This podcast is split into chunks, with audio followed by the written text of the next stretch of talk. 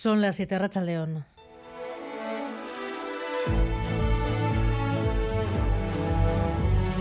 Gambara con Arancha García. La muerte de Rodolfo Ares a los 68 años marca este 26 de enero, el hombre que lo fue todo en el PSE durante décadas. Como secretario general del Partido Socialista Euskadi Euskadi Esquerra tengo que decir que hoy siento un inmenso orgullo de haber tenido un compañero de la categoría, de la altura, de la dimensión y sobre todo de la honestidad y de la honra de, Rodolfo Ares. El Rodolfo Ares al que recuerdan en la casa del pueblo de Churdínaga. conozco desde que estaba allá arriba en Arbolancha en, en una carrocería que tenían. Siempre ha sido una persona que si te podía echar un cable te lo echaba. Se preocupaba por, por la gente. Era buena persona y yo contento con él, los años que, que estaba a su lado. Eh, parecía serio, pero al final, en el momento que le conocías, decías que va, en absoluto muy responsable de las cosas, de lo que creía él del socialismo y se podía estar con él. Él siempre tiene que estar activo en cualquier cosa, en cosas, diferentes historias, siempre estaba activo. Le gustaba la pesca, viajar. El te lo encontrarás por ahí, era un, pues, otro más, un vecino más. Él, siempre ha sido un vecino más, es un poco lo que te decía que te podía ayudar, pero no por, porque él sea quien sea, sino que te puede ayudar como persona. Él era una persona normal y corriente. Él era Rodolfo.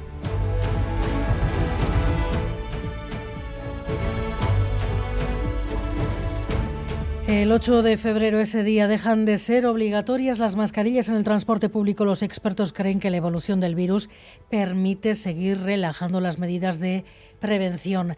Seguimos cumpliendo, la mayoría las sigue utilizando, pero Amaya Zabala, ahí en el tren, ¿hay ganas de, de quitárselas a Racha León? Arracha León Aranza, pues aquí estamos en uno de los vagones del tren de cercanías de la línea Bilbao-Musquiz y la verdad que te puedo asegurar que casi al 100% de los usuarios y usuarias llevan mascarilla. También hemos estado en el metro y lo mismo, muy formales todos, a excepción de unos tres usuarios, eso sí, mucha nariz al descubierto y también alguno apurado cubriendo la boca con bufanda porque se le ha olvidado la mascarilla. En cuanto a las opiniones, la mayoría está deseando quitársela, pero también hay muchos que seguirán usándola por precaución. Yo ya estoy a favor de quitarla porque en el resto de los espacios no se utiliza. Si no es obligatoria no la uso. Ya dentro del tren así pues no la había mucho sentido. Sí, seguir usando. Pues sí la seguiría usando porque estuve con el COVID ¿eh? y lo pasé muy mal. Eso sí, los que más alivio notarán son los conductores de autobús. Y es un alivio, la verdad, porque nosotros tenemos que estar a, a la carretera y supone un desgaste mental increíble. Por lo que en un par de semanas nos volveremos a ver las caras también en el transporte público. Y además de este anuncio, el día nos deja un recado, el del consejero Vingen Zupiría a los jueces que en más de una sentencia están limitando las exigencias de euskera para acceder a puestos de trabajo en la Administración.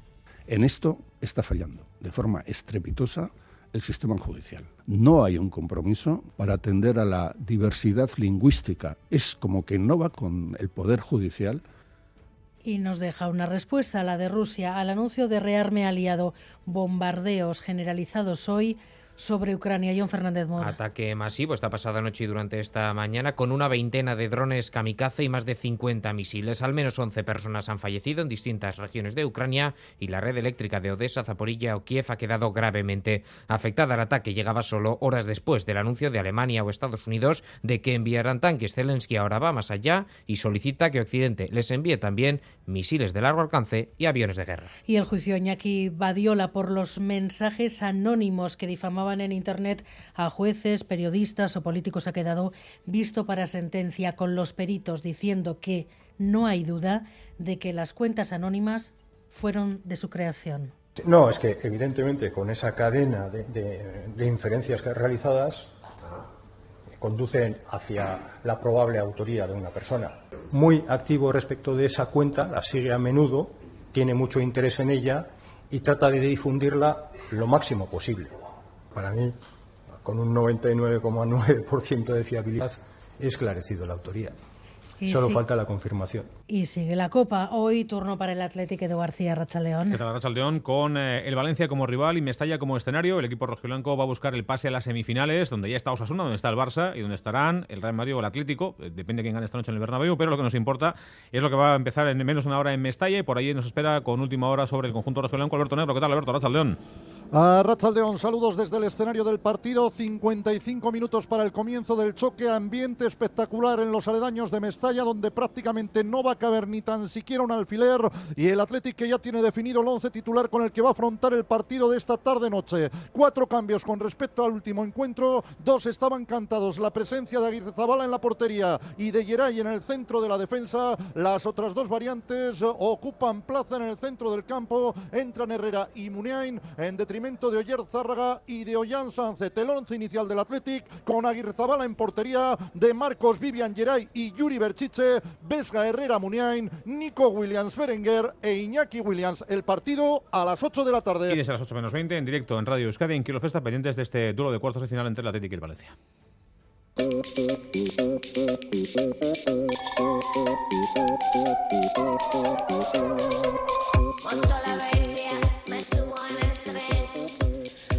Unas cremas robadas acabaron con la carrera política de Cristina Cifuentes. Ahora los jueces dicen que Eroski tiene que indemnizarla por la filtración de las imágenes de seguridad del supermercado. Xavier Madariaga. El asunto, ya saben, viene de lejos. En abril de 2018 se filtró el famoso vídeo de Cifuentes robando cremas en un supermercado. Venía ya tocada por el caso Máster y el vídeo fue la gota que colmó el vaso. He decidido anunciarles mi renuncia a ser presidenta de la Comunidad de Madrid. Lo que pasó a partir de ahí, la expresidenta madrileña lo ha descrito como un calvario. Tuve que empezar de cero, bueno, de cero no, empecé de menos 100 y bueno, pues recuperar mi vida, recuperar mi profesión, lo he conseguido, aquí estoy. Y desde entonces La ha tomado contra Eroski. A la compañía intentó multarle la Agencia Española de Protección de Datos, una multa de 150.000 euros que no prosperó. Por su parte, Cifuentes llegó a pedir a la cadena de distribución vasca medio millón por vulnerar su derecho al honor. Los tribunales madrileños desestimaron aquella demanda, pero Cifuentes recurrió. Y ahora tenemos esta condena de 30.000 euros contra la compañía por no haber custodiado adecuadamente el vídeo de la discordia. Eroski ya ha anunciado que recurrirá a la decisión. Habrá pues un siguiente capítulo en el caso Cifuentes contra Eroski. Miguel Ortiz y Alberto Zubeldia están en la dirección técnica, Cristina Vázquez en la dirección.